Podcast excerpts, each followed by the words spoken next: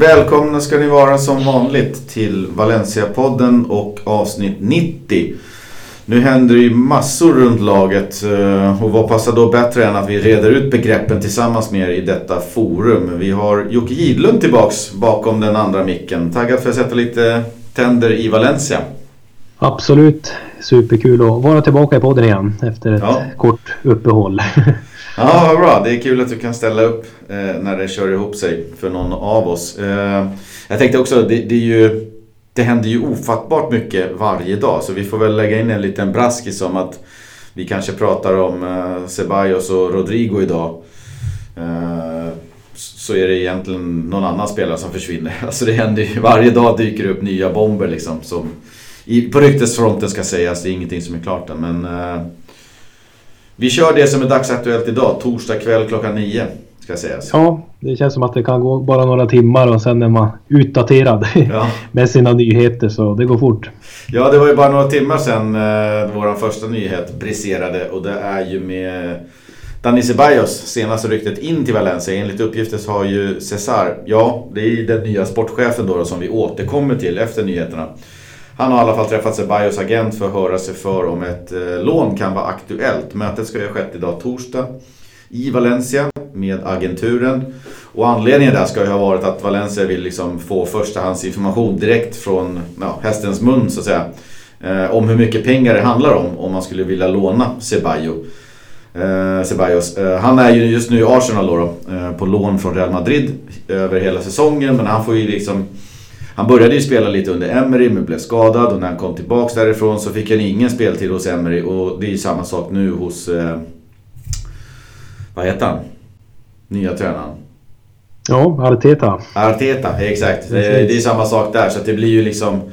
Han är ju säkert intresserad av att spela och Real Madrid är intresserade av att han ska få spela så att någonstans kan han nog säkerligen vara på väg i detta fönster och med en ålder på 23 så är han ju helt klart intressant namn. Tidigare huseras främst på det centrala fältet men även lite till vänster. Ja, det är ju en, en spännande spelare med, med framtiden för sig. Han började ju väldigt bra eh, i, i, Arsenal. Han hade väl någon match där mot eh, Burnley om jag inte minns fel. Mm. Med två assist liksom i, i, i debuten. Så att, eh, men man minns han ju mest från Betis och ja, några matcher i, i Real Madrid-tröjan. Men eh, allra mest kanske från U21-landslaget. Ja exakt, där gjorde ett jäkla avtryck. dominant. Ja, extremt. Ja, men eh, verkligen en spännande spelare. Ja, kan man få en utveckling på honom så, så kan det ju bli kul. Men det är alltid så här lite... Om man tar in ett halvsäsongs långt lån och han gör ett avtryck i Valencia. Ja, men då blir prislappen därefter från Real. De pungade väl ut runt 20 miljoner euro för honom och gav han ett sexårskontrakt. Så att han bör ju ha ungefär en fyra år kvar på sitt kontrakt med Real. Ja, han lär inte bli superbillig att lösa Nej. och framförallt inte om man skulle ja, men explodera om man kom till oss då och fick speltid. Nej, då, alltså Real kan ju säga ja men visst, ni får köpa för 50. Eh, men det kan eh, Dortmund och Chelsea och alla andra som är intresserade också göra. Så att de kommer inte rea utan till Valencia bara för att han skulle göra en bra vår här och trivas hos oss. Liksom. Så att man får hoppas på att han då i sådana fall kommer in och levererar på ett jäkligt bra sätt för en vettig lånepeng. Ja, nej, men ett bra komplement. Eh, vi var inne på det innan vi började spela in. Bra liksom när, när Cheryshev som är, skadad mycket. Goedes också. Mm. Eh, Kondogbia och Coquelin också. Ja, jo, det är hur mycket som helst att mm. säga. Så att med sin mångsidighet och både kunna spela centralt och ute till vänster så kommer han nog komma till användning för oss. Så kan man få till en, en bra lånedeal liksom så att det inte kostar oss skjortan. så är väl han ett spännande, ett spännande namn. Ja, det kom lite som en blixt från klarblå himmel till mig. Jag funderade mest på liksom, nu lär det bli fart på högerbacksplatsen här när Cesar kom in och, och så. Men eh, hux flux så har vi en central mittfältare på vägen. Ja, det svänger fort som sagt. det går fort i hockey. Nej, men fortsätt, om vi kollar lite på vänstersidan av mittfältet så ser det ju inget vidare ut för Gonzalo Guedes. Han eh, körde ju lite med boll förra veckan om jag uppfattar allting rätt. Eh, och det följdes ju upp av eh, stora smärtor då. då. Således fortfarande en bra bit från comeback. Man, man spekulerar ju inte ens längre i när han ska komma tillbaka i och med att det har gått två månader och man ser inte riktigt, eller man ser inte alls den framgången eller framfarten i rehaben som man hoppas. Så han var ju nu i tisdags i Barcelona för att träffa superläkaren Ramon Cugat i hopp om att få bukt på sin fotledsskada. Det här är ju riktigt surt. Vi behöver ju Gonzalo som skulle vara med och konkurrera på vänster. Ja, det känns ju som att det är ju på väg att bli en eh, riktig floppvärmning. Ja. Guedes, han har verkligen inte levererat upp till, till prislappen och han, han var ju inte liksom ja, men dominant när han spelade heller innan skadan. Nej. Och Cheryshev petar ju han till och med. Mm. Eh, men som sagt, han har ju en, en högsta nivå som inte många andra i Valencia har. Nej, Valencia, när Valencia och Peter Lim signade Gedes då för, vill jag minnas, 40 miljoner med lång avbetalningsplan, då kändes det som ett kap. Alltså mm. så pass ung som han var, så pass bra som han var, portugisisk landslagsman och vad han har levererat. Och så här, men det här är ett kap. Alltså han kommer gå för en miljard om ett år. Snacka mm. om att det har sett annorlunda ut. Ja, det går fort i hockey som du sa. Ja. ja, det är trist att det blir så. För det man hade sett fram till dess var liksom vilken gudabenådad fotbollsspelare här och vilken fart och explosivitet och allt han har. Men, men, men det kändes bara som skador. Att han, kändes ju som att han hade ju hela paketet. Ja. Eh, med både det tekniska, han hade avslutsfoten, han kunde gå förbi sin gubbe och eh, mångsidig liksom. Kan både spela som ytter och, och som anfallare. Mm. Så, och när han kom ja. tillbaka efter skada där eh, slutet förra säsongen och lite grann i början av årets säsong så var det var lite små burop och det fanns lite missnöje med hans arbetsinsats och det kan ju bero på att han har varit småskadad och inte känt sig helt kry. Så jag vet inte. Det, det har egentligen bara gått ut för känns det som. Ja, det, är det jag menar med de här floppkänslorna ändå som, mm. som knackar på även fast man inte vill. Eh, men hoppas såklart att han får bukt med, med skadan så fort som möjligt och kanske kan vara med och avsluta säsongen. Ja, hästkrafterna finns ju under huven och om inte annat nästa säsong kanske han kan få en hel försäsong och så vidare. Ja, man får inte glömma bort att han är ju fortfarande väldigt ung. Ja, verkligen. Sen går vi väl vidare på en lite äldre herre som heter Rodrigo och ryktena kring hans vara eller icke vara i eh, Valencia har dundrat igång igen nu den här veckan. Eh, det är ju Barcelona det handlar om. Luis Suarez där blir borta hela våren och frågan är ju då vart den 33-åriga Uruguayanen tar vägen. Eh, efter, när han kommer tillbaks efter skadan då. Han väntar sig vara borta till sommaren. Och då är det ett år kvar på hans kontrakt. Vill Barca behålla honom eller ska man skicka honom? Man kanske tar in en Rodrigo då tänker sig istället.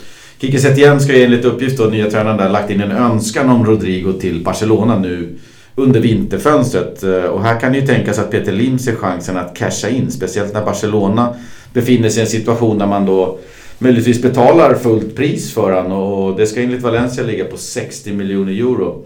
Vart den här eh, ryktessoppan nu tar vägen i verkligheten, det är ju lite dolt av vinklade speglar och rökmaskiner då. Ponera att Rodrigo försvinner från 60 miljoner, hur stor del av den pengen får Valencia återinvestera i en ny forward med tanke på att Lim då inom situationstecken äger honom och pungade ut 30 miljoner för fem år sedan.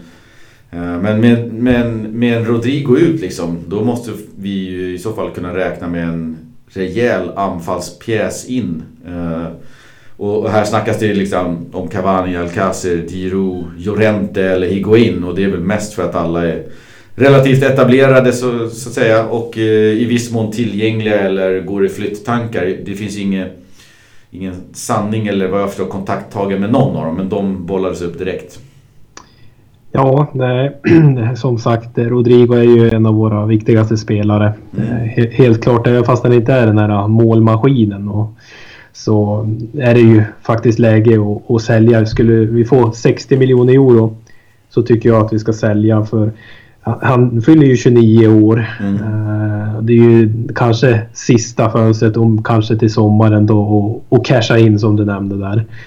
Och, och, Lim vill ju få valuta för investeringen. Helt klart.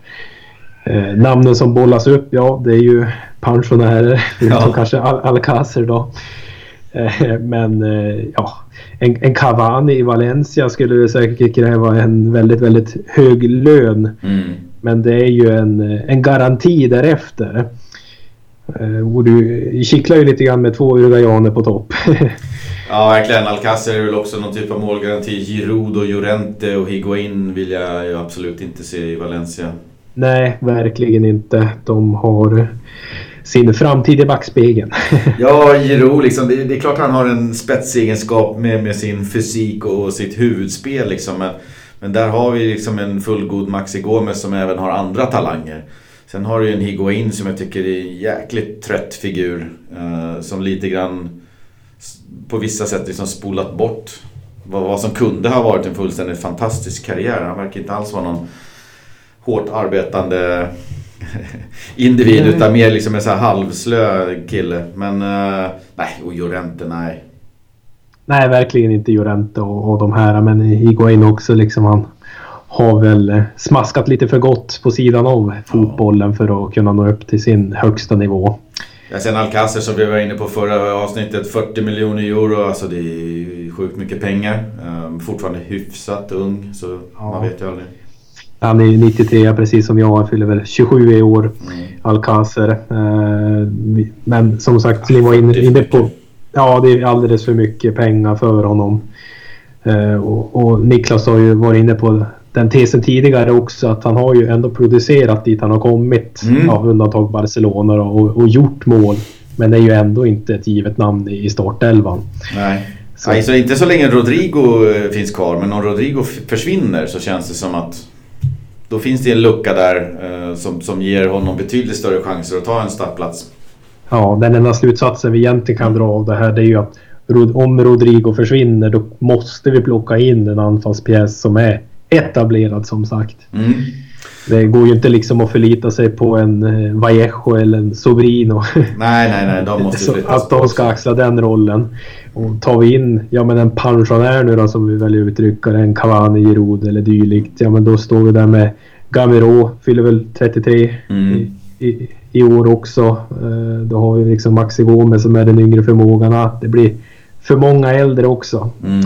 Jag ser hellre i sådana fall att vi går på på ett yngre namn som vi kanske kommer in på. Ja, Chimia Vila har du ju lyft ja. upp också. Han sitter på en utköpsklausul nu som är fastställd på 25 miljoner och ett spanskt medborgarskap dessutom inom kort. Så då tar han inte upp den här uh, eller utlänningskvoten. Då. Man har ju tre platser mm. där. Då. Så att det, det är ju ett alternativ. Det är ju ingen kvalitetspjäs ur liksom aspekten att han har levererat över tid. Han har ju egentligen liksom dansat en höst kan man säga. Men, men, men, samtidigt som han har dansat så att säga. Ja, men det är en ung kille och det, där finns det en helt annan framtidsutsikt. Uh, här ska ju även Atletico vara intresserade. Ja, men uh, får de in sin Cavani då som det ryktas mest om till Atletico så kommer ju inte de gå för Chima Vila och då står nog kanske Valencia först i kön där. Mm, jag tycker 25 han... kan ju tänkas vara lite högt där men liksom, ja, vi får se. Det går ju säkert att förhandla. Det är ju oftast en skrämseltaktik med 25 bara för liksom sätta en att vi kommer inte behöva släppa dem under det här. Men samtidigt ska man släppas mitt under säsong så måste ju han ersättas. Och då, alltså, det är nog minst 15-20. Ja, ja, men det är ju samma sak med vi med Rodrigo också. Vi har mm. väl eh, över 120 miljoner euro utköpsklausul på honom. Men vi kan tänka oss att släppa honom för 60 till exempel. Så mm. Det är precis som du säger, en skrämseltaktik det där. Men eh, en, en Chimiavila vore, vore ju spännande att, att lyfta in. Så att eh, Valencia kan nog vara hugga. Han är ju inte liksom tillräckligt bra för att de andra största ska vara intresserade av honom. Som är behov av en anfallare. Utan ja, men det är väl lite Valencias nivå. Mm. Och, Ja, verkligen. Nej, det är ett intressant namn. Alltså, det verkar vara en kvalitetskille så att säga med, med eh, arbetsinsats och, och liksom inställningsmässigt. Uh, och det räcker ju långt oftast. Ja, han verkar vara en skön kille också. Mm. Det var väl inne på det tidigare när han tog ponnen till träningsanläggningen. Ja, fixa en annan I Argentina. Ja, han har fått lite bättre lön.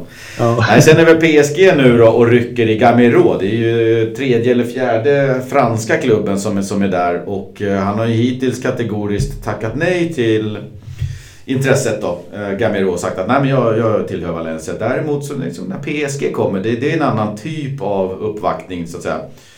Eh, det kan ju tänkas att han eh, är väldigt aktuell för PSG om Cavani då, som ryktas vara på väg till Atletico, eh, försvinner. Cavani har ju lämnat in en avskedsansökan eller ett önskemål om att sticka. Eh, så, så, man får ju nästan räkna med att han rör på sig nu. Då finns det lucka att fylla och kanske är Gamero den backupen som de söker uppe på topp där. Det är inte så att Cavani går in, eller vad säger jag? Gamero går in och petar någon av eh, Icardi, Mbappé och Neymar. Ja, du nämnde ju Tion där som är, är liksom given där framme för dem. Så att, men han skulle nog kunna acceptera liksom en andra spade i PSGs trupp, det skulle jag tro. Ja, det finns ju pengar i kuvertet där också. Ja, sätt, tidigare ryktena med var väl både Lilion och Montpellier och, mm. och lockar väl inte så mycket. Men han har ju en historia i PSG också mm. eh, där han inte var så nöjd med ja, men, speltid och, och dylikt. Det var ju därför han lämnade. Det var väl till Sevilla han gick efter PSG där va? Ja. Ja, så att, ja. Men nu befinner han sig i en annan situation i karriären. Han är 32 ja. år och, och liksom kan, kan väl göra en sista stint med, med ja, en av kanske 6-7 eh, Champions League potentiella kandidater, vinnare så att säga eh, få spela med, med Neymar och Mbappé och sånt där. Det är en annan lyster kring, kring PSG än vad det är kring eh, Lyon till exempel. Ja, så är det ju. Och bränna sina broar rent liksom, ja, men, kemin liksom med klubben, det går oftast att lösa med ett saftigt lönekuvert. Det har vi sett förut. Ja, och jag kan tänka mig att Valencia också känner att liksom, får man ut en 15 miljoner för han så, så har han gjort ett gott dagsverke nu i, i två år är det va? Snart, ja. ett och ett halvt. Och man får pengen tillbaks för en så pass gammal spelare så ja, det är nog inte omöjligt. Nej, jag vet inte, vi har pratat många gånger om att vi gjorde en ganska stor investering på en, en gammal spelare som vi aldrig kommer få tillbaka. Så här kan vi få den möjligheten så det är väl bara att tacka ja. ja det man kan konstatera här i alla fall är ju att eh, fönstret stänger ju 31 januari. Det är inte så långt kvar, det är en dryg vecka lite beroende på när ni lyssnar på detta program. Men en Rodrigo-flytt till till eh, Barcelona och eventuellt då en Cavani till eh, Atletico. Det kan ju sätta igång en, en sanslös karusell som omfattar en 10-12 spelare från olika lag. Eh, för det är ju ingen som säljer en spelare och sen går ut helt bar rumpa på marknaden och börjar leta. Utan då, då har du ju någon annan som du vill göra klart med först. Så att säga. Mm. Det var ju samma sak som hände Atletico och eh, Rodrigo förra gången. De fick inte ihop den här tre de där tre spelarna som skulle placera med Kovacic som skulle någonstans för, jag minns inte alla spel. Det var någon som skulle till Milan, en till, till, till Atletico och så en ny in i Valencia. Så att, ja, nej, men det så här lär ju vara samma sak. Alla som köper en, måste, eller som säljer en, har ju en annan klar. Det sätter nog igång en jäkla karusell tror jag.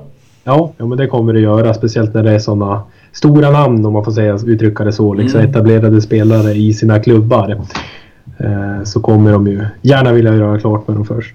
Ja, jag ser fram emot en eh, väldigt spännande sista vecka i vintertransferfönstret i alla fall. Oavsett om det rör på sig eller inte. Men, men eh, det, det, det, kan ju faktiskt bli, vi får se. Det kan bli riktigt intressant att följa. Ja, eller väl försöka trycka ut något sillesvep här de närmsta dagarna också. Ja, exakt. Du får uppdatera din, damma av din lista där med lite nyheter. Ja, de är ganska utdaterade de som är där. Eh, vi kan väl gå vidare på nyhetsfronten då. Danny Parejos andra gula mot Mallorca gav ju då rött för honom och det är ju också då eh, per automatik då en avstängning minst över den kommande matchen och det är Barca-matchen nu till helgen. Det är ju i undantagsfall man kan eh, överklaga och då få det där gula kortet strykt. Eh, nu har Valencia gjort det, eh, överklagat alltså. Men domen kom ju då igår, onsdag tror jag. Det gula kortet kvarstår. Avstängningen mot Barcelona Likaså, såklart. Eh, däremot så stannar avstängningen vid en match och Parejo blir då spelklar till matchen efter. Men då står han å andra sidan på fyra gula.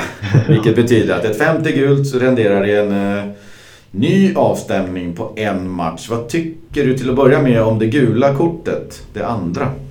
Ja, nej men eh, jag skulle uttrycka att det är ju ett billigt mm. kort. Eh, men det är ju inte så, hade han till exempel inte haft ett gult kort sedan innan. Mm. Eh, då hade man väl ja, sagt okej okay då om man säger så. Det är ju bara en, en handpåläggningen är, finns ju där liksom. Det är hans högra hand på hans högra höft tror jag. Mm, exakt. Eh, och sen förstärker han ju oerhört mycket Mallorca-spelaren också. Men att det där ska generera ett andra gula, de två tillsammans situationerna är ju inte liksom så att det ska bli ett rött kort. Det tycker jag inte. Men ja, sen förstår jag inte riktigt systemet bakom det hela heller. Att man, eh, det är liksom, ja men att det skulle bli två matchers avstängning blir det väl då om man får ett rött kort annars va? Eh, det blir automatiskt en match om jag förstått det hela och sen är det ju då en, eh, de, alltså en kommitté eller det spanska ja. fotbollsförbundet som sätter sig ner och bestämmer hur många matcher den totala avstängningen är. Och det gör man det är därför man får en automatisk avstängning så att man under den tiden kan bestämma sig för blir det tre matcher eller blir det fem matcher? Så att säga. Ja. Men automatiskt är det en, men nu stannar det där. De sa nej det var så light så att vi tar inget mer. Ja, Ja, nej. Ja, strunt samma med det. Men jag tycker inte att det, det, borde ha blivit två gula och ett rött kort. Det tycker jag är alldeles för hårt. Nej, jag kan eh, hålla med dig. Det var en klockren beskrivning att handen är där, fine. Det finns en, en, ett störningsmoment eller ett hindrande av spel eller förstörande, spelförstörande om du så vill. Men jag tycker det momentet är väldigt litet. Uh, jag har ju sett uh, tröjdragningar där tröjorna går sönder eller står som en, en spinnmacker liksom. Eh, och då står det i regelboken, tröjdragning är gult. Och domaren står och ser det och tar inte gult. Det här är också så här, äh, kom igen. Alltså så farligt var det inte. Sen om man tolkar regelboken, spelförstörelse ska vara gult, ja, possibly. Men just när det blir Alltså jag tycker att det första gula och det andra gula, ett gult är alltid ett gult så man ska bedöma dem lika. Men med vetskapen att den här är otroligt light, Parejo har ett gult kom igen. Ja, släpp den. Ja. Och, ja, alltså hade någon motståndare fått det där gula och det röda mot sig, då hade jag också tyckt att ja, jag ser lilla dragningen men jäklar vilket tunt kort det där är alltså. Ja, det visst man hade ju applåderat domaren då men... ja men det är ju liksom opartiska delen. ja, eh, men det är ju det är väldigt hårt alltså. Ja, det stannar i alla fall där. Parejo dansar vidare sin uh, sedvanliga dans varje år med massor av gula och därmed även avstängningar. Och det är ju de matcherna han missar. Det är när han är avstängd. Annars så är han ju värsta Ironmanen som alltid står på planen. Ja, det är han och vass där. Nej, jag, fick jag ska bara flika in det. Jag fick en sån rysning och otäck känsla i kroppen när du sa det att man har sett så många tröjdragningar så till och med tröjan har gått sönder. Mm kom, fick jag upp bilden i huvudet där när, jag tror det är Nikola Sidic va, som blir dragen i tröjan i straffområde mot Atletico. Det är ju några år sedan nu i Europa League när han stod stå där och ut med armarna och han har ett stort jävla hål i bröstet så man ser bröstvårtan. Mm. Och så blev det ingen straff. Nej, exakt. Så att liksom, Tacka vet jag att VAR finns nu va? jag tycker alla tröjdragningarna egentligen. Då, det, alltså en tröjdragning är ju nästan per automatik spelförstörande. För du går ju inte på bollen, du gör ingenting, du vill bara sabba. Så det bör ju liksom mycket mer rendera i ett gult tycker jag. Men där har ju domaren liksom, de, dom, det känns som att domarna generellt sett tycker att Alltså en kraftig tröjdragning, visst. Men en mindre tröjdragning eller liksom så, de tycker att det är lite för hårt. De får frisparken, det är lite hårt med tröjdragning och gult. Men tar du frisparken, då har du ju sett tröjdragningen. Alltså, ja. Och det är samma här, ta en frispark då. Ja, och så ja, men en frispark liksom som ja, men sker på planen, en liten lätt tröjdragning, hade mm. bara frispark. Mm. Hade den skett i straffområdet hade det inte hänt någonting. Nej, det var inte straff, inte tillräckligt. Även fast förseelsen är detsamma liksom. Ingenting. Ingenting hade hänt. jag vet inte. Det, jag, jag, jag, tycker det är synd och jag tycker det är lite dålig taktkänsla av domaren sådär. Men ja, det är inte så mycket att göra åt. Han, Nej, han är avstängd mot Barca. Det är som det är. En annan Ironman är ju Ferran Torres då som mirakulöst är frisk. Eh, det var ju, vi pratade om det förra gången att han skulle vara borta fyra veckor från och med skadan och det var ju det som kom ut i media egentligen att det, det är den typen av skada. Men jag nämnde ju då också att att det är lite märkligt att han har synts till på gräsmattan på Paternan och liksom, vad, vad, betyder det? Alltså, ska du vara borta fyra veckor så är du inte uppe på gräsmattan dag tre. Nej. Utan du håller i, i, i kanske ett gym och sådär. Nu visar det sig att han uh, var ju tillbaka redan nu mot uh, Logroños i kuppen. Uh, nej, det var ju mot Malaga. Mallorca han var tillbaka redan va? Ja, precis. Uh, spelade. Så jag, det är någonting lurt liksom med det där. kanske är det så att liksom det var en spricka eller någonting och att man liksom kan spela sig igenom läkningen på smärtstillande.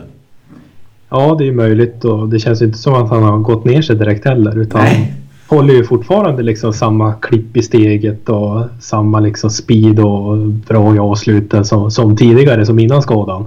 Så att det är ju mirakulöst. Nej, det var ju fullständigt nödvändigtvis också. Eller nödvändigt att han kom tillbaka. Alltså, fatta ja, ja, vi har ju inte råd. till mitten av mars, det går inte. Nej, alltså vi har ju inte råd att, att vara utan honom nu. Eh, så mycket som han tillför på planen och så eh, lite vi har liksom att slänga in och ersätta honom. Mm. Nej, jättekul att han är tillbaks. Otroligt välkommet. Och lite i skymundan av liksom eh, Rodrigos eh, rykten, Gamiros rykten och Ceballos rykten så har ju liksom jakten på högerback bara halkat av liksom. Nu finns det ju uppgifter som kom idag såg att Valencia inte kommer att signa någon ny högerback om man inte lyckas omplacera Thierry Korea. Där man då gjort två försök med två klubbar som man har misslyckats med då att liksom, ja, låna ut handlare väl i första hand då. Eh, så att han är än så länge kvar. Eh, och, och Dagens nyhet säger då att det blir ingen ny om vi inte blir av med honom. Eh, man gick ju då bet på Cancelo och Romas Florenzi. Så de kan vi skriva av. Så vi får se om Cesar och den nya sportsliga ledningen mäktar med att signa en högerback också. Ja, ja men hänger, hänger det på Correira där så kan det ju bli svårt. Jag tror jag har skrivit ut det också i, i svepet mitt där att mm. han, i och med att han har spelat för, det var väl Sporting Lissabon han ja, kommer från va? Ja, portugisisk klubb va? Ja, han har ju spelat eh, någon form av tävlingsmatch där och i Valencia så kan han inte spela för en ytterligare liga heller. Nej. Man får inte representera tre ligor under samma säsong så att de måste hitta en klubb i Spanien, alltså i, antingen ja, med Segundan då mm. eller i La Liga eller dylikt för att kunna låna ut han också. Så att, eh, men det borde ju finnas någon klubb som kan gå med på, på ett lån kan jag tycka. Liksom. Man kan ju gå in och betala hälften av lönen eller dylikt eller hela lönen om det skulle krävas för att få in en högerback. Känns det ju egentligen mest akut. Ja, men jag tycker det känns ändå som en spännande eh, ung, eh, frejdig, liksom, offensivt kille. Liksom. Det, det är svårt att ge en speltid om man tycker att han inte håller måttet. Uh, men då har man väl kanske gjort en liten felvärvning om man tog in honom som en A-lagsspelare. Han kanske ja. hade passat bättre i Valencia med Staya då? Ja, eh, eller liksom att man kanske hade köpt honom men låtit honom vara kvar kanske i, i Sporting Lissabon mm. eller nu vilken klubb det var där i Portugal eh, på ett lån liksom över säsongen. Ja, verkligen. Nej, vi får följa, men han verkar då i alla fall vara en viktig bricka i spelet om en högerback. Kom det nyheter om idag då. Går vi vidare på backarna då. Garay ska nu vara redo att signera. Eh, det kontraktet som vi har pratat om. Först så så var det på och sen så började han tvivla vad vi förstod och eh, nu har det kommit nyheter om att han är redo att signera och kommer då i sådana fall stanna kvar på 1 plus 1 då. Ja, det är toppen. Två tummar upp. ja, men det känns bra. Få honom kvar. Alltså, det är ju det är våran bästa back. Liksom. När han håller sig skadefri och spelar så styr han ju upp den där backlinjen. Så nu kanske han kan, ja men går vi, att Paulista kan gå vid hans sida ett eller två år till och sedan ta över Garais roll liksom i, i truppen och laget då. Ja, de två känns ju liksom, har ju känts förra säsongen eh, och kanske under stora delar av hösten otroligt, otroligt givna. Liksom. Det är våran nummer ett och nummer två liksom. Ja. Men nu tycker jag, vi har pratat om någon gång, att eh, Diakabi har faktiskt klivit in och verkligen tagit ett par hack upp. Så att nu är han liksom, ja, han är med och knackar och konkurrerar på ett annat sätt. Ja, om inte annat är jag ju klar trea i alla fall. För mm. Mangala gjorde ju inte sin bästa match direkt mot uh, Logronius. Nej, han blandar och ger. Ja. Han, ska ju, han ska ju ha uh, fördelen av att uh, vara machotränad och, och således även kunna tänkas behöva några matcher för att komma in i tempot och tajmingen och så här. Uh, oerhört bra och resolut i många brytningar så tycker jag. Men, men det finns också en fladdrighet i hans spel som, som ja. behöver putsas på. Ja, den har ju Diakabi putsat på verkligen mm. de senaste månaderna tycker jag. Alltså det, det, är precis som du säger, han up, upcoming om man mm. säger så. Vi håller eh, tummarna för att Garay signar. Då har vi i alla fall tre bra mittbackar och så får en Mangala eh, duga som nummer fyra då. Yes. Vi avslutar med Gonzalo Villar. Eh, han har vi pratat nu, det är tredje avsnittet i rad. Men Roma vill ju inte ge upp på den här spelaren och har nu höjt sitt bud till 5 miljoner euro. Och detta har Elche accepterat.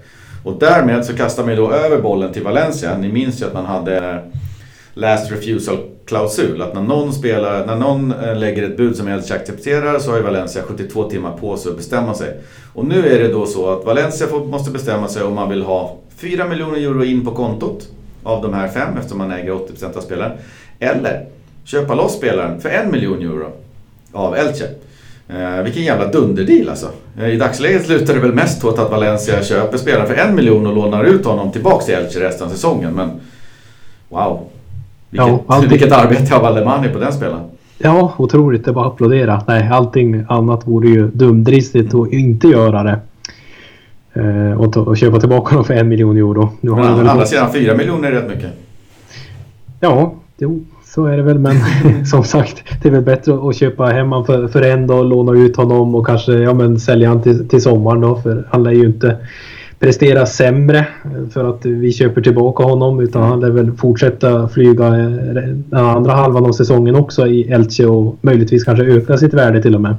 Ja, vilken perfekt eh, utlåning det där blev till slut för en spelare som ja, inom situationstecken började bråka och gjorde bort sig lite grann där och tvingade sig bort från klubben från Alemani. Men att han lyckades knipa 80% av rättigheterna och allt det här. Det, kul utveckling liksom. Hade, tänk om Tony Lato hade fått den utvecklingen någonstans. Eh, hade också varit kul.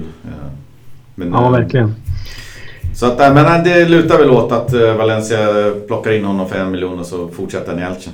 Ja, det är bara att trycka på köp nu-knappen. Då har vi redan gått 12 timmar av det där. Ja, exakt. Vi kikar vidare på en liten snackis här. Vi lovade ju att återkomma lite grann kring eh, nya sportchefen Cesar Sanchez. Eh, och han kom ju in lite oväntat, eller det var väl väntat att det skulle komma en sportchef och en chefscout. Eh, men det kom lite hux flux sådär. Eh, de presenterades ju i måndags och spontan känsla är väl att det känns spännande och man blir nyfiken på vad dessa herrar kan uträtta. Ja, det är ju eh, färska herrar. De är ju mm. nya på sina, på sina jobb om man säger så. Inte med någon jättestor erfarenhet men det är ju spännande. Man gillade ju honom verkligen som, som spelaren, mm. Cesar Sanchez som målvakten. Eh, höll ju på länge Eh, och stod i mål så att säga. Han är ju rutinerad på planen så det ska bli kul att se vad han kan hitta på i en sportchefsroll. Ja precis, han var ju målvakt eh, i Valencia ett par säsonger där för tio år sedan och la väl egentligen eh, skorna på hyllan efter det. Jag tror att han gjorde en säsong och några enstaka matcher i Villarreal efter det. Men sen satte han sig i skolbänken och efter det så är han nu Fifa Pro utbildad tränare. Eh, det är i alla fall väldigt hög nivå om det inte är den allra högsta. Jag är inte, har inte superkoll på alla nivåer men det är en väldigt högt eh, utbildad tränare. Och sen har han utbildat sig för sports management hos spanska fotbollsförbundet. Det känns spännande. Jag tycker det jag skrev ner två eller tre aspekter till eh, Cesar Sanchez som, som ny sportchef i Valencia. Som jag tycker känns lite spännande och kan diskutera omkring. Det ena är ju att han är nyutbildad och nyexad. Och han lär ju vara sjukt motiverad och sjukt sugen på att sätta tänderna i sitt första jobb som är ett jättebra jobb. Motivation och driv är ju väldigt viktigt eh, och just detta faktum tycker jag eh, känns väldigt bra i min mage. Ja, men jag ska inte säga att jag är liksom bästa kompis med Cesar Sanchez mm. men han känns ju som en väldigt lugn eh, person. Han var i alla fall ett lugn han tillförde på planen kan jag tycka. Men nyutbildad, nyexad som du är inne på. Mm. Så att eh, han lär ju vilja göra ett bra avtryck på sitt första jobb och som du är inne på vilket jobb han får. Mm. Valencia liksom som första klubb. Så det hade han nog bara kunnat drömma om. De flesta brukar ju börja på en lite lägre nivå. Ja, jag tror att liksom, nu sitter i skolbänken länge. Fifa Pro-licensen är ju ingenting du liksom fixar på en höst utan det är ju flera år liksom. Och olika steg och sådär. Så att jag, jag, känner att han har ju verkligen lagt ner energi och, och liksom uh, manken till för att liksom ta de här uh, utbildningarna. Och, och, och, nu liksom kommer han ut på marknaden och så får han det här jobbet. Det måste ju kännas hur bra som helst för honom.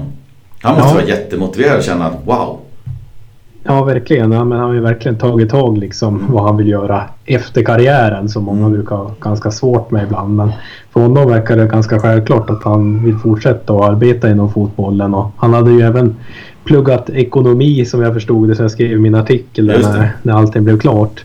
Så här, det ska bli riktigt kul att se vad han kan hitta på en sån här stor klubb ändå. Ja, den andra grejen som jag skrev ner var ju att han är ju oerfaren. Vilket säkert är en nackdel när man tittar på kontakter inom fotbollsvärlden, andra sportchefer, agenter. Eh, erfarenheten av agenter som Mendes till exempel eh, och alla fultrick som följer i spåren av galna ägare som har satt sig i knät på galna agenter. Det är ju liksom ett rävspel där ute på prärien som måste bemästras på något sätt så att man inte går på några finter och du vet sådär. Alltså det, det är ju... det är ju en speciell miljö kan jag tänka mig att vara sportchef i en klubb med spelare med stora egon och det är stora pengar, värvningar. Du har en... Ja, jag vet inte, det, oerfarenheten kan ju vara en nackdel till honom. Mm, det kan ju också vara en fördel. Ja. Eh, och, och, som sagt att se allting från ett, ett annat perspektiv. Eh, nu kommer han ju som sagt nyutbildad och har ju liksom det, det färskaste, det nyaste sättet att sköta rollen på. Mm. Eh, men nu sitter han ju också i Valencia som har en galen ägare. Så att han lär väl få, få den erfarenheten ganska snabbt. Eh, men absolut, eh, det sker ju många, många konstiga och skumma affärer inom fotbollen med blodspengar och allt vad det är för någonting. Mm. Så att han lär nog gå på sina nitar, men det gör nog alla. Nej, och, och, nu har inte jag, kan inte säga att jag har suttit och läst en massa spelarkontrakt och har någon annan erfarenhet än vad Cesar har. Men det är ju i dagens spelarkontrakt så ofattbart många klausuler och du kan ju gå på en, liksom en fint på många sätt att man kanske går med på en klausul eller glömmer ta med en klausul och liksom där. Jag vet inte hur mycket han är liksom själv är inblandad i själva avtalsutformandet och sådär. Men, men jag, jag inbillar mig att eh, erfarenhet är bra att ha. Å andra sidan så kom ju Alemani relativt oerfaren också från eh, ja, vad jag förstod affärsvärlden och sen någon misslyckad stint som ägare eller vad han var i Mallorca där. Och så att när han kom in, Alemani, då var det också så här, oj, okej. Okay. Vi, vi vill ju hellre ha en, en Alemani än det vi hade med Pitarch och Alessanco och de här. Mm. Men, men, eh, han var också rätt oprövad, Alemani, när han kom. Och, och, och, så här två, tre år senare så är jag ju jättenöjd med det han har uträttat. Så att, eh, det kan nog gå bra för Cesar också. Ja, men det tror jag. Det följer väl ut med, med Alemani. Den sista grejen som jag skrev ner egentligen, eh, det är ju en fundering kring vilka befogenheter som han ges av Peter Lim. Att han nu skulle få utföra sitt arbete med helt fria tyglar eh, faller, förefaller för mig inte så troligt.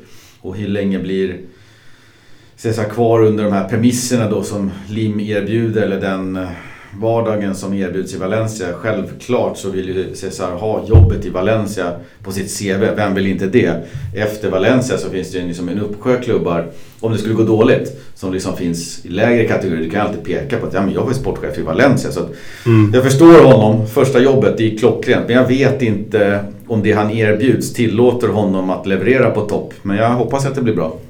Mm, det är väl det som kan vara nackdelen där med oerfaren. Att han kanske inte kan ställa så jättehöga krav heller.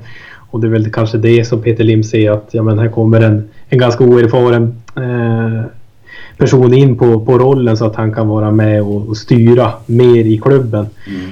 Eh, en mer erfaren sportchef kanske hade satt lite mera och högre krav mm. än vad Cesar gör. Men eh, vi hoppas ju såklart att det blir bra. Ja, men, ja precis. Jag tror det, känns, det kändes eh, spännande när jag liksom började kika på eh, Cesar mer än, än målvakten. Jag började kolla vad han hade gjort och så läste jag din artikel och läste på lite på spanska artiklar och började fundera på vad har Karl gjort. Att, nej, men det, det, här känns faktiskt ganska spännande. Under de förutsättningar som finns liksom i Valencia så, så eh, tycker jag det känns kul. Ja, och det är ju ändå en, en, bra människa. Så den, det är i alla fall den bilden man har av någon från fotbollsspelaren Cesar. Mm. Det är inte... Hade liksom Renan Brito, gamla brassen vi hade i mål, kom in som sportchef. Ja, då hade det blivit mer Lattjo Ja, exakt. men, men, nu är det ju liksom... Det, han känns ju, känns ju som rätt man för jobbet på något vis. Det är bara en magkänsla jag har. Nej, och sen har han ju två säsonger eller två år i, i klubben ungefär. Eh, och, och lär ju ha liksom ett hjärta också att, att göra ett bra jobb ur den aspekten. Mm. Vi kikar väl vidare på nya Jefe de Scouting, Miguel Angel Corona. Han kallar sig bara för Corona så vi kör väl det från och med nu. Men han är ny chefscout efter Pablo Longoria och får nuvarande då interimchefscouten Jorge Lopez som sin högra hand. Så Lopez blir kvar eh, i staben där. Det känns också som ett spännande namn även fast även han är lite oerfaren.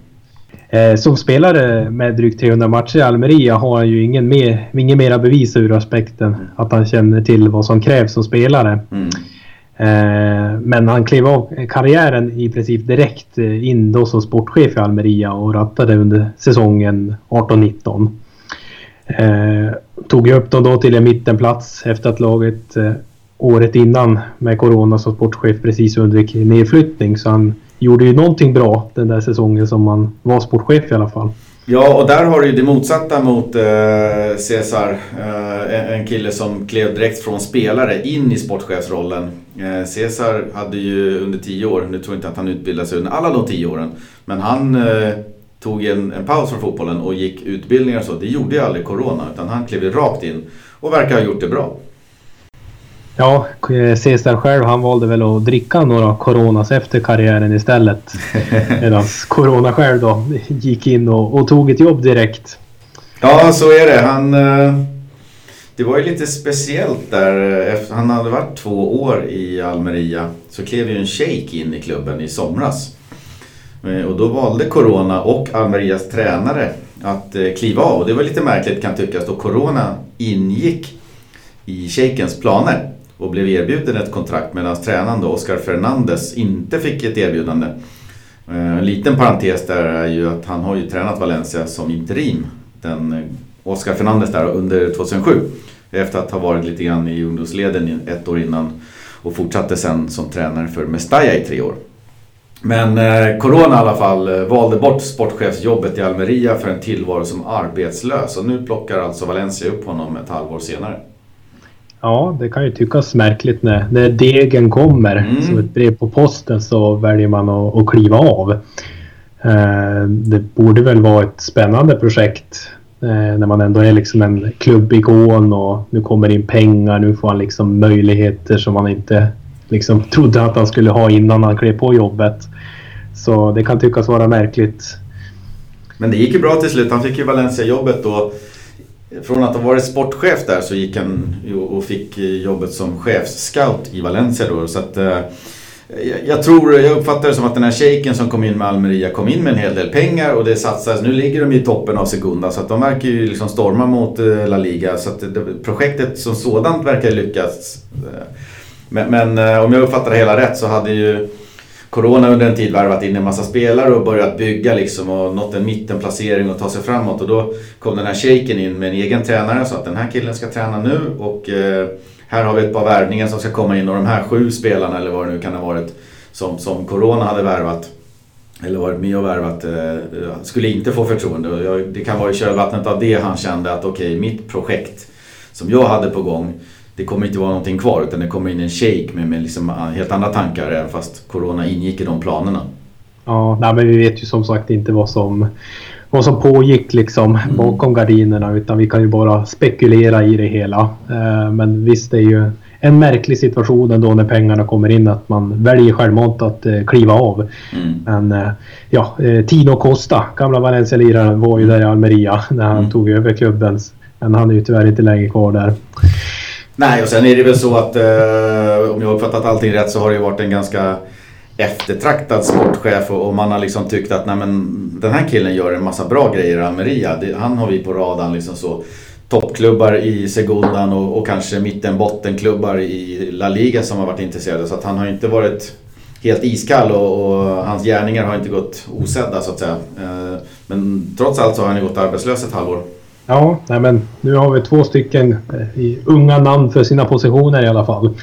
Eh, här i Valencia med, med Corona och Cesar. Så nej, men det, blir, det blir nog spännande att se. Ja, jag tycker att man ska summera hela de två namnen när det har landat lite grann. Så tycker jag det känns kul och, och spännande. Vi behöver ju en sportchef och en chefscout på plats så att säga. Som, som liksom har de rollerna uttalat och man har liksom plockat in dem. Och det, och det har vi nu. Så att, eh, jag ser fram emot eh, att se vad de kan uträtta. Ja, de är ju redan i, i förhandlingar med, med spelare kors och tvärs. Så att, ja, det blir spännande. Ja, och det är kanske lite svårt att, att förvänta sig något underverk kanske nu under vinterfönstret. De får ju, fick ju tio dagar på sig att ja. komma in. Så att han Jorge Lopez och det han har gjort under hösten, det får ju väga ganska tungt eh, nu. Sen får man ju se eh, vad de kan sjösätta fram till sommaren, så att säga, nästa års planer och, och sådär. Jo, de har säkert redan börjat snickra på det liksom. Mm. Ja, men kul med, med de två herrarna på plats. Eh, vi tar en liten jingel och så kollar vi på tre stycken matcher. Yes, tre matcher och vi sätter väl lite motvilligt korta ord på Mallorca-Valencia 1-4. Ferran tröstmålade. Det var en fasansfull match av Valencia där allt gick fel. Det var ju både insats och inställning tycker jag var klart underkänt. Men man hade ju även lite tillfälligheter emot sig med det där röda kortet. Det var någon boll som studsade på ett knä och in i mål som egentligen hade gått utanför. Så här, men det, det, är inte, det är inte anledningen. Men, men allt gick emot skulle jag säga. Ja, och, och, förlusten är ju såklart ytterst oläglig då. Barca väntar i helgen eh, i nästa omgång och jag tycker egentligen att vi skippar den här matchen helt. Jag orkar inte. Ja, 1-4 kanske var ett önsketänkande som var inne på. Ja, 4-1 blev det. ja. Nej, men det är som du säger. Det, det är bara nattsvart. Eh, kan egentligen inte lyfta ut eh, någonting positivt utifrån den där matchen. Det är väl att Ferran gjorde mål och, och fortsätter göra mål. Ja, och dök upp och spelade. Ja. Ja, dök upp och spelade liksom när man trodde att det var helt omöjligt. Mm. Det är väl egentligen det enda man tar med sig. Eh, annars är det ju nattsvart. Ja, vi låter rullgardinen vara kvar nere på den matchen och kika på Logroños ja, Valencia. Eh, vart ju en 1-0-seger där med distinkt nick av Maxi. Det var ah, stabil seger är väl att ta i. Eh, den hängde ju ganska löst efter en heroisk insats kan jag tycka av Segunda B-laget. Påhejade av rekordpubliken, dryga 11 000. Eh, det fanns någon ribba där och det var inte så långt ifrån eh, hela tiden. Även Valencia hade då chanser med Ferran Ren där bland annat. Eh, kul med Esquerdo, Kangeli och Correa fick speltid. Trist att Silisen gick sönder på uppvärmningen. Ja, men om vi, om vi börjar där med, med insatsen så eh, tycker jag att Valencia har ju ändå kontroll. Mm matchen igenom skulle jag säga. Fast vi har den där ribbträffen i, i första halvlek. Men det är Mangala som är där och, och viftar upp den i egen ribba. Så det var ju tur att den inte gick in. Eh, annars alltså sett till de andra Segunda B-lagen också som spelade den här omgången så blev man ju imponerad. Mm. De, de, jag såg också Ibizas match mot eh, Barcelona. De spelade ju riktigt, riktigt bra. Mm.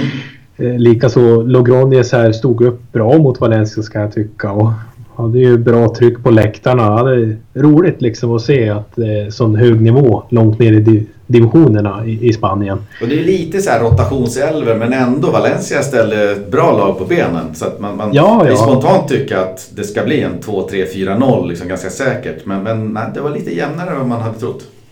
Ja, för Barcelona satt ju väldigt långt inne ja. och de hade ju också ganska många ordinarie spelare med i startelvan. Mm. Så det tycker man ju att de borde bara städa av. Både Valencia och Barcelona ska ju bara städa av sånt här motstånd kan man ju tycka. Men eh, ja, kul med Esquerdo då. Gjorde väl en fullt godkänd match. Kul att se honom lira igen. Mm. Kangeli tycker jag väl, ja, blandar och ger. Han hade ju en situation där när han tar emot bollen i straffområdet då snurrar runt liksom och kommer till ett avslut. Oerhört tekniskt nummer. Ja, det var fint. Ja, riktigt fint att se. Och Correira svårt liksom att värdera hans insats eh, rent defensivt mot ett sånt här motstånd. Men ja, gjorde väl varken till eller från. Hade ju några räder uppåt som såg frejdiga ut. Bra speed på den killen i alla fall. Ja, Kangeli kom ju tillbaka efter skada och det får man väl också ha i åtanke att han behöver kanske lite speltid och så för att visa sitt allra bästa jag och samma med Korea då som inte spelar så mycket. Tyckte jag blandade och gav. Det fanns några defensiva situationer där jag tycker att han släpper 3-4 meters avstånd till, till eh, uh, vänsterforward som kommer in och söker inlägg och han sätter liksom inte riktigt någon press. Väldigt så här alibi säkert tänk från hans sida. Så att uh, det finns mer att hoppas på från Korea då. Ja, du hade ju den här, hette han Nonjo mm. i, i Logroñez som eh, kom förbi många gånger på, på vänsterkanten, alltså Koreas kant. Eh, ja, nej men också trist med, med Sille sen som sagt som gick sönder på uppvärmningen. Jag har inte hört någonting kring hur allvarligt det kan tänkas vara. Inte jag heller, har inte läst någonting.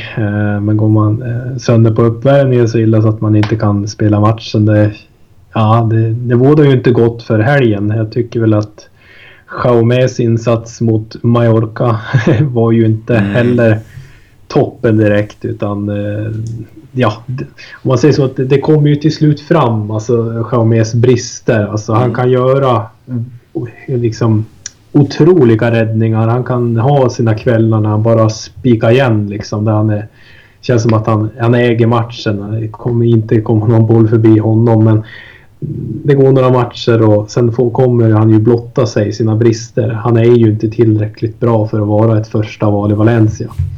Nej, och vi pratade lite grann om hans insatser att han eh, han kan ju också behöva speltid och jag menar målvakt mognar ju. Det är ju beslutstagandet ofta som jag tycker Schaume behöver förbättra. Och det, det, alltså, vi hyllade ju honom eh, för, liksom, för den nivån man tycker han håller så har han gjort det väldigt, väldigt bra i, i Valencia de matcher som han har stått nu här på slutet.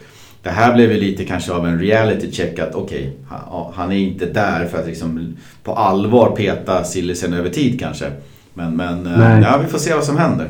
Han får ju chanser nu i alla fall. Ja, det, det, kan han ju inte klaga på. Speltid, det får han ju verkligen. Så sen är det, det är upp till honom att visa att han ska ha den där första handsken. Ja, lottning imorgon lunchtid om jag uppfattar det rätt. Eh, då var väl uh, the usual suspects var ju med. Allt från Sevilla, Atletico, Barca, uh, Real, Valencia och så vidare. Sociedad var där. Men det fanns också några segundalag som var med och stökade. Ja, så kan man ju... Jag vet att ni gjorde det väl förra avsnittet också, men vi kan ju fortfarande... Vi kan ju trycka det nyllet igen på Getafe. Ja. att de inte är med. Ja, Badalona som slog ut dem förra omgången. Nej, så att vi får se vad det blir i nästa omgång för regerande mästaren. Nästa match. Valencia-Barcelona 16.00 på lördag. Det är toppmatch på Mestalla som det alltid sett igen. Eh, det är också ett Barca som inte riktigt hittat den här storformen där man känns liksom som, som den här eh, omöjliga kolossen så att säga. Man tuffar på lite i halvfart i toppen av tabellen men får kämpa lite mer än vanligt för att ro hem eh, poängen. Ja, nu har jag haft uh, två matcher sett igen här.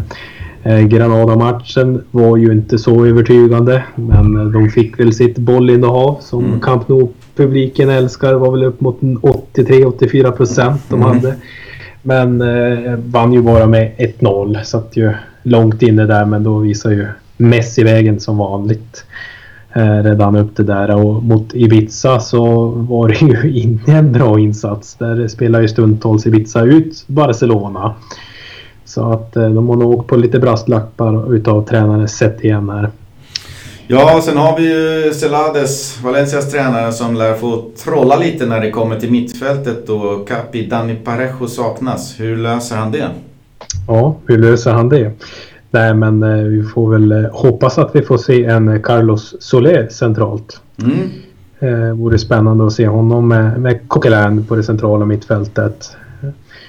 Tror du han eh, kör en 4-4-2 eller tänker han på något annat sätt om man kanske har en Ferrando som kanske har en roll mellan mittfält och anfall eller hur man ska se på det och man trycker in kanske en Kondogbia och en Coquelin om nu Kondogbia är hel då. Eh, mm. Tillsammans med Carlos Soler centralt och om vi får in eh, Cheryshev eller någon på vänsterkanten eller hur ser du? Ja, nej men jag skulle gärna vilja se Ferran där i den centrala rollen. Eh, han är ju ändå inne i ett målstim och även vårat, eh, vårat hopp framåt där tillsammans med Maxi Gomes skulle jag säga. Så att eh, ja, men stabilisera upp med Kodobia och Coquelin, liksom två defensivt starka spelare. Eh, en Soler som får stå för det kreativa mm. Eh, och leverera fram bollarna då till Fran och, och Maxi. Så det, det hade man gärna velat sett. Ja, och i anfallet då så är ju Maxi Gomes i stor form och jäklar vad jag gillar den karln mer och mer med, med, ur alla aspekter egentligen. Får han eh, Gamero bredvid sig? Eller hur ser det ut med Rodrigo? Ja, du var ju inne på att du hade sett eh, bilder från träningen att han mm. var med där. Ja, han stod med någon sån här gummiband och, och sådär med, med, med, resten av laget som också gjorde det. Så jag vet inte exakt hur hans skada ligger till just nu. Nej, och eh, väger vi in då det här Barcelona-ryktet som mm. florerar runt Rodrigo så är det ju frågan vad som hinner hända de här kommande dagarna innan matchen. Men jag skulle väl tro att det blir Maxi Gomes och en Gamero eh, om Rodrigo inte är tillgänglig för spel. Vilket jag inte tror att han kommer vara. Eh, skiter sig Barcelona-affären så lär han ju finnas med på bänken i alla fall och kunna slänga in om han nu kan spela några minuter i alla fall. För, ja, de har ju kört lite grann med Ferran på topp också några matcher.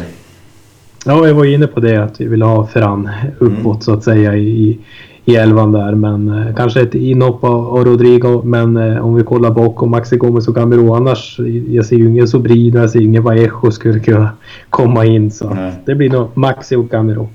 Ja, och, och kollar man på Barca då så är ju Suarez skadad men det finns ju ersättare såklart. Eh, det kan ju också vara så att Griezmann med ett par pytsar nu på slutet börjar hitta sin plats och, och i laget och lite form sådär. Så att det är ju alltid ett, ett, ett svårt Barcelona. Så är det ju. De har ju kvalitetsspelare på, på varje position även fast Suarez är skadad. Så Eh, har de ju ett bättre lag på pappret äh, än, än Valencia. Har tuff match. Nu räddade ju Griezmann dem emot Ibiza med sina två mål. Att det är frågan om han har kommit igång och hittat målstimmet. Men eh, Valencia på Mestalla är ett annat motstånd. Ja, den formen måste de ju bättra på om det ska bli någon poäng. Eh, helt klart mot Valencia. Jag tror också att eh, 85% bollinnehav snackar vi inte det är ju det som kan bli skillnaden som många gånger förr. Att det är en tät jämn kamp. Eh, att Valencia har sina lägen och Barcelona att i slutändan så är det Messi som är skillnaden. Det har ju hänt förr. Ja, och eh, ser man till Barcelonas spelschema och eh, de andra för den delen också så är det ju en veckas vila efter Valencia-matchen för, för Barcelona. Eh, som tar emot eh, Levante hemma på söndag. Så det är ju åtta dagar mellan dem. Så att det, det finns ju ingen anledning för dem att vila någonting. Utan det, det är bara att gå för tre poäng för Barcelonas ja, del. Ja, Får vi se vad Kikki Setien kan eh, dra för penseldrag med taktik och implementera sitt eget. Eller liksom köra han vidare på det här och så tar han den här kommande veckan på sig för att drilla. Det snackas ju ja, om glad anfallsfotboll med Kikki Setien och det har vi inte sett någonting av hittills. Nej, det har vi inte. Det har varit knappa och uddamålssegrar hittills. Så ja, vi får se. Det var de tre matcherna som vi tänkte beröra här. Eh, det finns ju inte så mycket mer att orda om dem. Vi kan väl eh, kika på en liten eh, scorecast. Vi hade ju... Ska vi se. Det var ingen som hade några poäng förra gången för ut utom Egil Wingbro. Som fick, eh, han tippade på Mallorca. Han gjorde det? Jajamän. Ja. Det gjorde han alldeles rätt. Ja, tyvärr så gjorde han det. Så han kammade in eh, en pinne i och med att Ferran gjorde en balja där. Så han fick inte rätt på noll mål för Valencia. Men eh, rätt tipsresultat i alla fall. Ettan. Ja. Vad tror du? Många som trodde också att Ferran inte skulle spela så det var inte många som hade han som målskytt direkt heller. Nej, det var ingen som hade det. Så att, uh, det var den enda poängen som delades ut. Ja. Nej, men jag, jag säger 0-0. 0-0? Ja. Ja, men det kanske inte är helt fel. Det, det, alltså, historiskt sett så tycker jag alltid att Valencia, Barca, Valencia, Real liksom på Mestalla brukar vara ganska härliga matcher. Speciellt Valencia, Real där det liksom smäller och mm. brakar och det är mål till höger och vänster. Men det har inte riktigt sett ut så på slutet. Eh, det har ju varit målsnålare än så. Eh, så jag, jag vet inte om man ska haka på det här eh, tåget om att Valencia inte är i form nu. Så jag kör en 0-2. Jag är tråkig. 0-2, ingen målskytt för Valencia. Nej, nej men det... Så kan det mycket väl bli. Sen är det upp till Maxi att överbevisa mig. Jag utmanar ja, honom. Ja, jag ser, ser, ju gärna att det händer. ja, jag med. Nej, men han är en sån som kan göra mål mot alla lag i alla lägen i alla matcher. Det är bara att ge honom lite utrymme så kan det ju smälla liksom en, en hörna eller en fast eller whatever. Så att det, det är, det, jag tar det inte för omöjligt att, att Valencia gör ett mål, ett mål eller två och, och, kan till och med vinna den här matchen. Men Ser man till, att Parejo är borta, han är viktig och det, det, finns lite skavanker i laget, frågetecken kring Rodrigo. Mm. Möjligtvis att det blir liksom en Diakabi Paulista. Hur hanterar en Diakabi de här situationerna? Vass på högerbacken, det går ju att utnyttja för en Grisman till exempel. Eh, mm. Så att, jag vet inte. Det finns många det... frågetecken i Valencia som jag känner att Barcelona kanske kan utnyttja om de kommer liksom med sitt gameface och är verkligen redo att bjuda upp till match. Ja, det känns ju också som att de vill ju bevisa någonting. Efter de här två första matcherna under Setien så vill de ju visa liksom vad det är för fotboll de vill spela och göra ett gäng baljer och ta hem en trepoängare borta på Mestalla. Det är ju ett styrkebesked. Ja. Vi eh, sätter väl punkt för den här podcasten avsnitt 90 så ses vi eh, nästa vecka. Hasta luego! Hasta luego!